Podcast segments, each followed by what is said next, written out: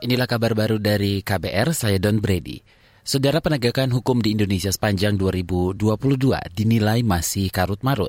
Itu disampaikan Ketua Perhimpunan Bantuan Hukum Indonesia atau PBHI, Julius Ibrani.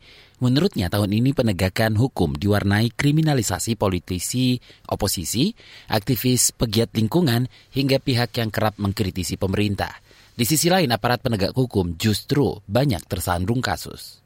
Padahal peradilan baik eh, kepolisian, kejaksaan Mahkamah Agung itu dalam titik nadir baik untuk rekayasa kasusnya maupun situasi korupsinya ya. Ferdi Sambo membuka mata kita semua lalu jaksa pinangki dan yang lain juga membuka mata kita semua dan Mahkamah Agung tahun ini mencatatkan jumlah dan juga uh, profil level pegawai dari hakim agung, hakim justisi, pegawai PNS-nya, panitranya yang paling banyak disiduk sama KPK.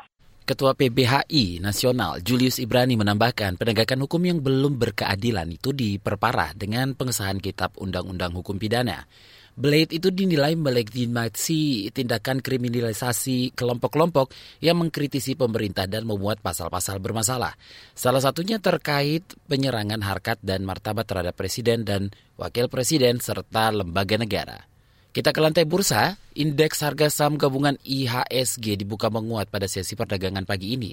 Indeks naik 3 poin ke level 6.863. Kelompok 45 saham unggulan atau indeks LQ45 juga naik 0,6 poin ke posisi 940. Mengutip RTI Bisnis, nilai transaksi IHSG pagi ini mencapai lebih 110 miliar rupiah. Sebanyak 120-an saham menguat, 60-an saham melemah, dan sisanya lebih 220 saham stagnan. Sore nanti Wakil Presiden Ma'ruf Amin dijadwalkan akan menghadiri penutupan perdagangan Bursa Efek Indonesia tahun ini. Saudara para wisatawan kecele tidak bisa mengunjungi Museum Keraton Solo karena ditutup. Penutupan dilakukan imbas konflik yang melanda internal keraton. Selengkapnya disampaikan Yuda Satriawan. Konflik internal keluarga Keraton Kasunanan Solo berdampak pada angka wisatawan yang berkunjung. Juru bicara kerabat Keraton Kasunanan Solo, Dani Nur Adiningrat mengatakan penutupan Museum Keraton Solo itu dilakukan sejak sepekan lalu pasca konflik internal terjadi.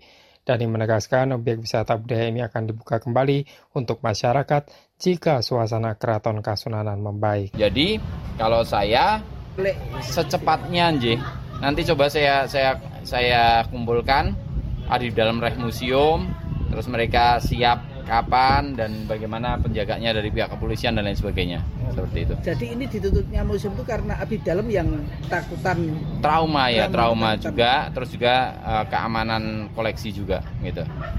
Lebih lanjut dan memahami penutupan museum itu akan berdampak pada kunjungan wisata di musim liburan sekolah maupun akhir tahun ini. Dari pantauan di lokasi, pagar akses pintu Museum Keraton Kasunanan Solo juga tampak tutup selama sepekan ini. Selama ini, museum yang berada di kompleks samping keraton itu dipenuhi wisatawan yang akan mengunjungi dalam keraton maupun koleksi benda pusaka yang dimiliki. Dari Solo, Jawa Tengah, Yuda Satirawan, KBR. Demikian kabar baru dari KBR, saya Don Brady.